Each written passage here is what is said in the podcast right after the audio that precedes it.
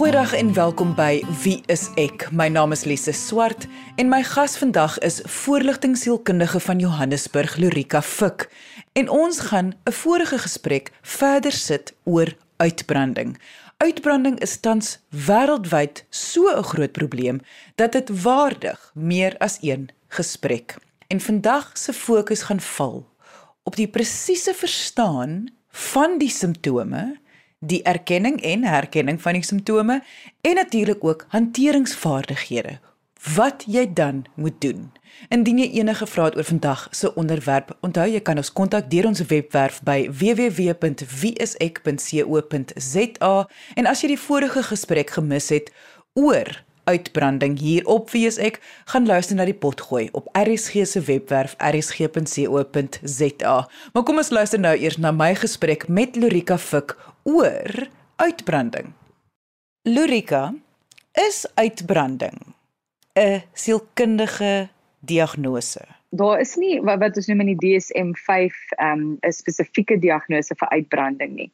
Maar uitbranding is gewoonlik 'n simptoom of 'n aanhangsel van ander tipe diagnoses wat ons dan formeel sal maak gebaseer op ons diagnostiese um um manuals en so aan wat ons het waarmee ons werk. As jy dan nou sê dit is dis aanhangsels van ander diagnoses, hoe bedoel jy? So met ander woorde, uitbranding is nie 'n enkele ding nie. Uitbranding kan byvoorbeeld verband hou met depressie, maar ook met angs, maar ook met um miskien 'n paar neurokognitiewe versteurings en uitbranding het eintlik baie te doen met iemand se selfbeeld of hoe hulle omgaan met die wêreld as iemand die behoefte het om die hele tyd te moet presteer, dan moet ons onsself afvra maar hoekom probeer hulle die hele tyd presteer? Is daar nie dalk onderlinge depressie wat betrokke is nie? Is daar nie dalk onderlinge angs nie? En dan vat ons dit nog dieper dan vra ons maar waar kom die angs vandaan? Uh, wat is die doel van die angs of of wat probeer die angs eintlik medieer? En gewoonlik om dit nou nie te diep te vat nie, maar ek dink ons ons luisteraars kan kan dit handle is om te kyk na wat is jou grootste vrese en wat is jou ek wil sê um die goeders waaroor jy skuldig voel en waaroor jy skaam voel. So met ander woorde uitbranding is 'n simptoom van dieper dinge wat ons dan probeer ontketen of verstaan of uitfigure by 'n kliënt. Ek weet nie hoekom ek dit nou so prentjie in my kop van 'n pot wat kook wat die deksel op is. En dit voel vir my wat jy sê is is uitbranding is eintlik maar daai eerste stoom wat begin om die deksel so bietjie te bietjie te ruk. Ja, weet jy uitbranding dink ek is nog nie heeltemal die eerste stoom nie, maar ek dink by die tyd wat daai deksel so begin rattle, dan dan is dan ons by uitbranding. Want ek dink baie keer kan iemand byvoorbeeld onder ehm um, soos jy nou sê onder druk presteer vir 'n rukkie en dan wanneer hulle identifiseer en kan hulle weer terughang en hulle kan bietjie die hitte afdraai en dan kan die die inhoud van die pot weer rustig raak. Maar wanneer daai persoon nie daai selfbewustheid of selfbewussyn ook het om te sê wag 'n bietjie, ek's nou besig om die pap te dik aan te brand of aan te maak hier op die stoof nie, dan begin die uitbranding 'n rol speel. En ek dink dit sal goed wees dalk vir my en jou om actually te gaan en te gaan kyk wat is die simptome van uitbranding? Wat is die tekens daarvan om sin te maak daarvan?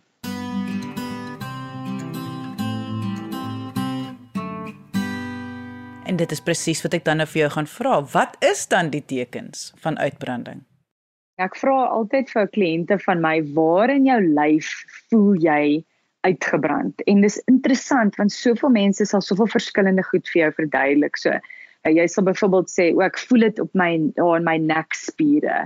Of op my skouer die die spier wat my nek en my skouer aan mekaar vashou of ek voel dit in my maag of ek voel dit partykeer in my kop nê nee, en ek wil graag vir enigiemand wat luister dit vra. Identifiseer vroeg in jou lewe waar voel ek uitgebrand?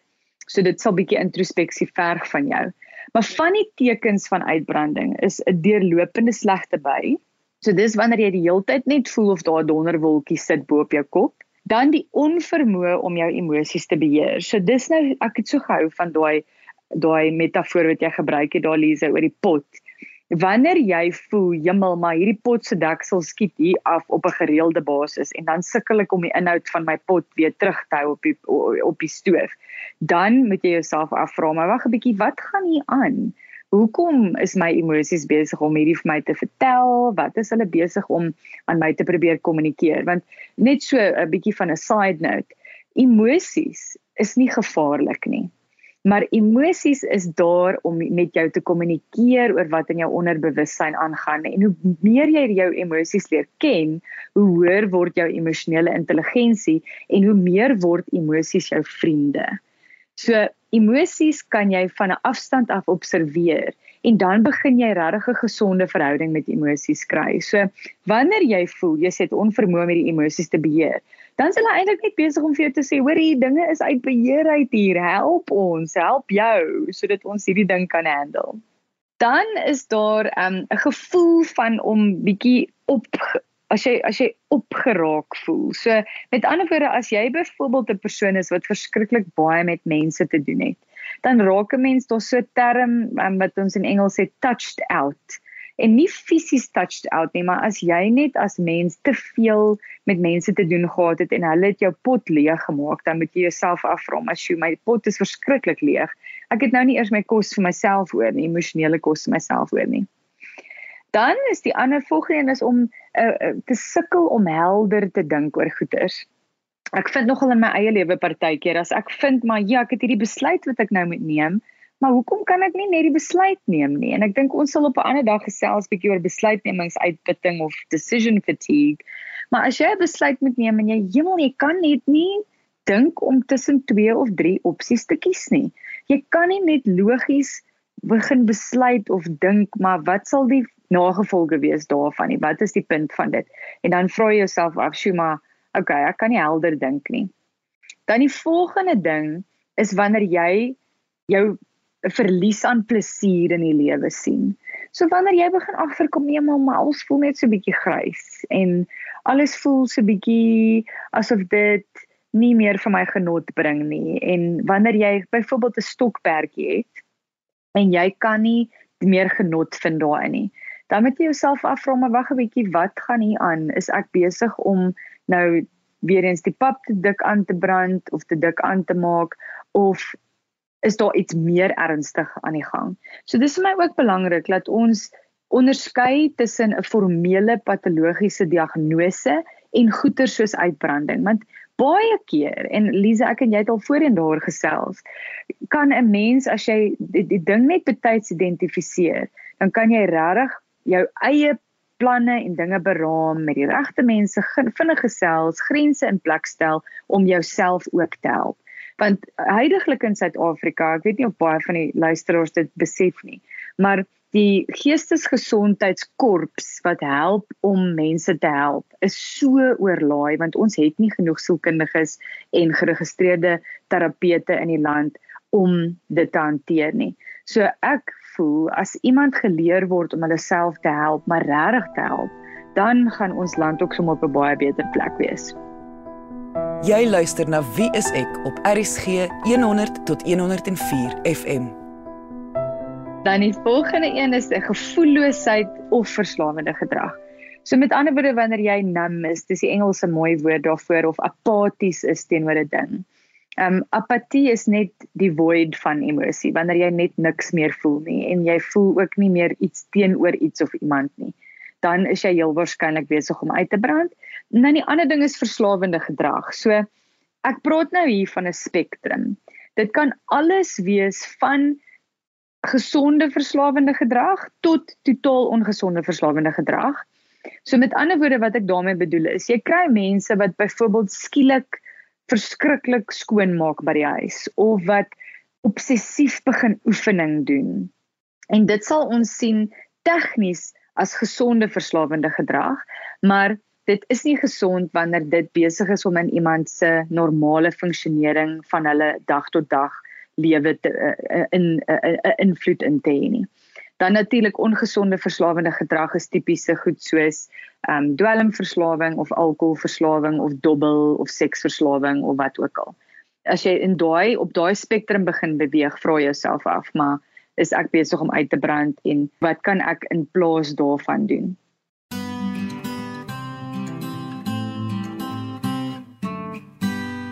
Dan afnemende fisiese gesondheid. So hierdie is ietsie wat ek self besig is om 'n navorsing te doen en boeke te lees en so aan en ek het 'n paar idees vir boeke as mense wel hierin belangstel. Maar dis om te begin kyk of meer te begin kyk na die holistiese uitkyk van geestesgesondheid. Met ander woorde, ons is besig om in die sielkunde soveel navorsing te doen oor hoe fisiese ongesondheid eintlik 'n geestesgesondheid wortel het. So tipies, iemand wat hoë bloeddruk het of wat byvoorbeeld 'n maagsweer het of wat byvoorbeeld geweldig sleg slaap of wat ekseem ontwikkel. Baie keer en ek sê nie altyd nie, maar ons altyd natuurlik die fisiologiese komponent daaraan, maar daar's ook deesdae kom ons agter, jy maar hier's 'n wille geestesgesondheidswortel aan hierdie hele storie. Baie keer sal ek verwysings kry van dokters en so aan wat sê luister, ons het hierdie pasiënt van kop tot tone medies ondersoek en daar is fisies geen rede hoekom hulle met 'n sekere fisiese simptoom manifesteer nie. Asseblief kyk na hierdie situasie. En baie keer sal jy vind, "Sjoe, maar dis gegrond en et." So daai holistiese proses is so belangrik om te begin praat oor en ondersoek. So as jy 'n afnemende fisiese gesondheid het, vra jouself af, maar Hoekom is ek besig om my stelsel te oorlaai? Wat se stres kan ek nou hierso begin baas raak of plan maak mee? Nee, hierdie hou verband met om te voel of jy nie jou emosies kan beheer nie, maar wanneer jy baie vinnig kwaad word. Kwaad is tegnies eintlik net 'n rooi vlaggie wat opgaan. So ja, kwaad word essensieel gesien as 'n emosie, maar eintlik is dit 'n waarskuwing, dis 'n sirene wat afgaan. So die oomblik wat jy kwaad voel, vra jouself af, "Wag, wag 'n bietjie wat gaan onder my kwaad aan? En gewoonlik het daai kwaad te maak met goeie soos magteloosheid. Of dit het te maak met 'n gevoel van verwerping. Of miskien was jy iewers vernederd voor ander mense of net in jouself. Maar die brein gebruik dan kwaad as 'n netjiese kombers om net oor te gooi want wie op dese aarde wil nou heeldag deel met goeie soos minderwaardigheidskomplekse en so aan. Dit is net maklik om kwaad te wees. So kwaad is eintlik jou vriend. As jy identifiseer jy word kwaad, dan kan jy jouself afvra, maar wat gaan onder daai kwaad aan? En die ander interessante ding oor kwaad en ek ek het nou so 'n bietjie van 'n dienspad wat ek neem hier op ons gesprek. Maar kwaad het altyd 'n trigger. So met ander woorde, as iets jou kwaad maak, dan beteken dit daar's 'n hakpunt in jou eie lewe oor waaroor jy kwaad is. Ek praat nou woesie oor uitbranding, maar um, kwaad en uitbranding het het 'n definitiewe verband met mekaar. En dan die laaste ene is 'n geheueverlies of 'n vergeet van belangrike punte of selfs onbelangrike punte.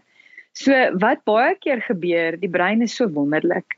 Hy sit dinge in plek, bietjie so sluise in plek. So wanneer jou dam te vol maak, dan maak die brein sluise oop. En die een sluis wat hy oopmaak is die geheue sluis. As jy oorweldig is deur uh, in die proses om uit te brand, dan gaan hy nie bother om goeters te onthou wat volgens hom nie belangrik is of volgens jy weet die brein nie nie noodwendig belangrik is vir oorlewing nie. So geheueverlies moenie dadelik dink o genade, hier begin ek nou met 'n intensiewe Alzheimer's of ietsie nie. Dis heel waarskynlik. Kom ons kyk eers na die basics en dit is um na ietsie soos uitbranding byvoorbeeld. Nou is baie simptome en goed wat 'n rol speel. Maar um hierdie dink ek is die die beste manier om te identifiseer vir iemand by die huis, maar hoe kan ek elke dag sien, "Sjoe, hierdie is die lys van simptome en ek kan dit identifiseer." Soek jy 'n professionele persoon in jou area, gaan kyk op die WSE kontaklys by www.wsek.co.za. Lorika, my groot probleem met die samelewing is dat hulle die woord uitbranding verskriklik maklik gebruik. Dit het nou so 'n deel geword van ons taalgebruik, daaglikse taalgebruik om sommer net te sê ag ek is uitgebrand, die jaar is te lank. Dis nou te veel vir my. Maar as ek nou luister na jou en wat jy nou alles opgenoem het, voel dit vir my ons gee heeltemal te min agting aan uitbranding. Ja, ek dink wat wat baie keer gebeur in in die samelewing wanneer 'n spesifieke wetenskap soos sielkunde uitkom met 'n term, dan klik dit vir baie mense. So met ander woorde, hulle het gesit met 'n situasie, maar hulle het nie 'n woord daarvoor gehad nie. En die oomblik wat daar 'n woord is en en hulle lees of iemand lees oor die simptome, dan kom hulle agter maar hemel, ek sukkel eintlik my hele lewe lank al met uitbranding. Soos wat op dese aarde nou het ek uiteindelik 'n titel daarvoor of ek het 'n term daarvoor. En dan um, een van my kollegas het dit nou die dag so mooi gestel. In ons huidige generasie het ons 'n behoefte om optimaal te lewe. So optimalisme. Ek weet nie eers of dit 'n Afrikaanse woord is nie, maar ek het nou besluit dis nou maar 'n Afrikaanse woord, optimalisme. So basies optimalisme is hierdie behoefte om te bewys dat jy genoeg is en dat jy goed genoeg is. Jy sal tipies sien veral mense in die um, ek dink generasie X en generasie Y Hulle het hierdie behoefte om net te wys, "Jesus, ons is so effektief en elke sekonde van die dag word spandeer om 'n sukses te maak van iets." En my vraag is net, waarheen hardloop ons? Wat is die doel hiervan?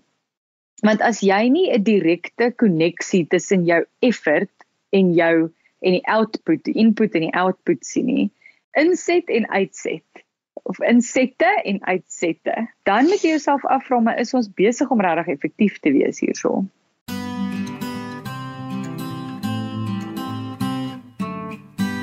Maar sê net maar iemand ignoreer dit, want die hele wêreld kla nou van uitbranding. So, ag, dit lyk asof my buurman niks om te doen nie, my beste vriende doen niks om te doen nie. Almal kla maar net die hele tyd om die braaivuur. Hoekom hoekom moet ek dan iets om te doen?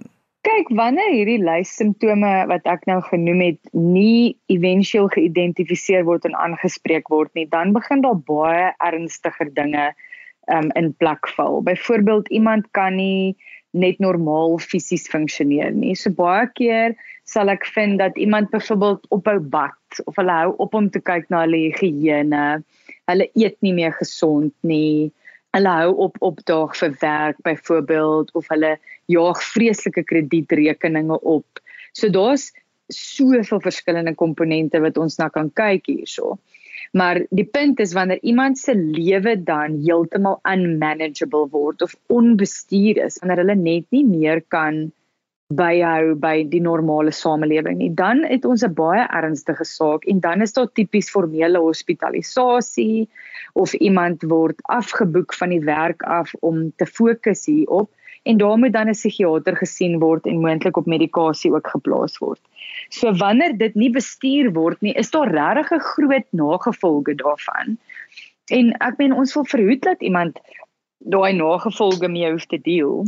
Want dis baie swaar. Dis swaar dan op 'n hele familie ook en op jou werk en alles. Wanneer moet 'n mens dan begin om iets omtrent dit te doen? Die beste plek om te begin is om jouself, ek wil amper sê bietjie soos 'n kompas, nê, nee, vir jou eie lewe te identifiseer en wanneer jy identifiseer dat jy nou nie meer op noord is nie.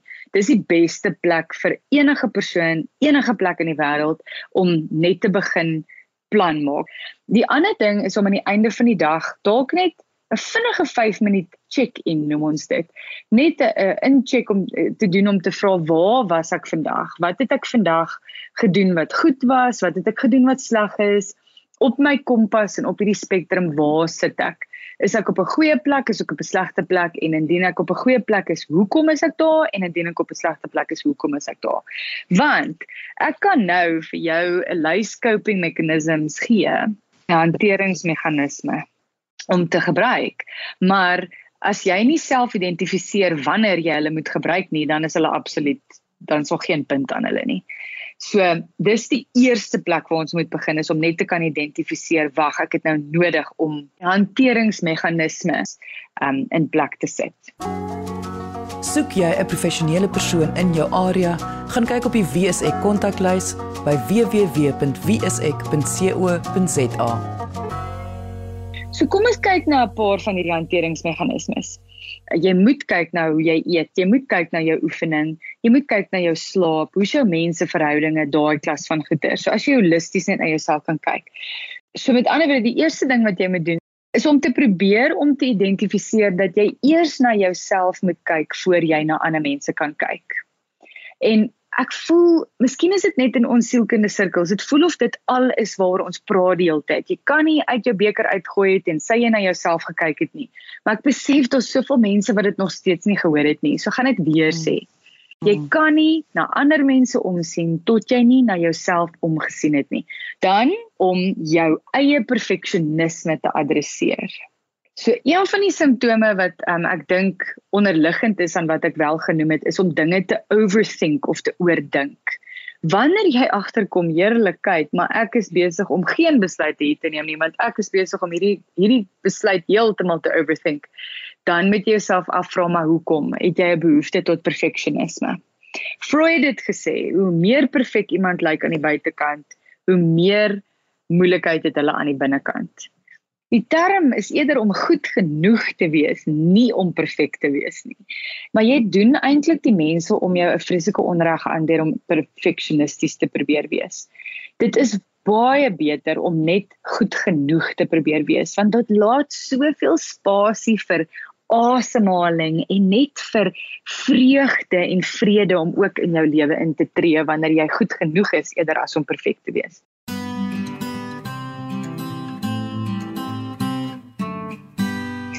Dan die volgende een is om te leer om nee te sê. Maar om nee te sê sonder onskuldig te voel. Heg waarde aan jou behoeftes, heg waarde aan wat vir jou belangrik is. Daai selfgelding, maar assertiveness in Engels. Dan die ander ding is om die hoeveelheid besluite wat jy daagliks moet neem te verminder. Ek het nou die dag statistiek gelees dat as 'n normale volwassene neem ons oor die 35000 besluite in een dag. Geen wonder ons is almal moeg nie. So wanneer jy op 'n manier daai besluitnemingsproses kan verminder of te delegeer of om in plaas van sewe besluite te neem eerder tussen slegs twee verskillende opsies te besluit, gaan jy jouself al klaar 'n guns doen. En dan die laaste ene, en dit dink ek is vir baie baie mense baie moeilik is om onbeskaamd net te vra vir hulp. So om te sê ek sukkel asseblief help my met ABC. Ons moet hier saamwerk sodat ek net seker maak dat daai deksel van daai pot nie heeltemal afval en ek hom nooit weer in die hande kry nie. En dit is basies die die coping mechanisms wat ons kan wat ons kan gebruik om uitbranding te verhoed en te bestuur. Van 'n ander perspektief af, as jy weet jy het mense in jou lewe wat neig om uit te brand. Check net in by hulle en vra net, hoorie, hoe gaan dit met jou? Is jy nog reg? Is jy alright? Baie keer veral as iemand so 'n uitbrandingsgat land, dan dink hulle nie daaraan om met iemand te kommunikeer nie, want hulle probeer net cope, nê. Nee, hulle probeer regtig net vasbyt en so aan. Um uitbranding is so algemeen en en soos jy gesê het, mens moet dit nie as 'n verskoning gebruik nie, maar vra jouself af, leer oor jouself. As 'n mens is jy eintlik so wonderlike wese, maar almal se resep lyk anders. So vind uit wat is jou resep en hoe kan jy dit handle? Jy luister na Wie is ek op RSG 100 tot 104 FM. En dit was voorligting sielkundige van Johannesburg Lorika Fik. Indien jy enige vrae het, gaan na ons webwerf www.wieisek.co.za of kom gesels saam op ons Facebookblad onder Wie is ek SA. Onthou Dinsdagoggende 9uur het ek live gesprekke met medies professionele mense oor verskeie sielkundige onderwerpe. So kom gesels saam, gee jou opinie of vra jou vraag. Dis op Wie is ek se webwerf onder Wie is ek SA.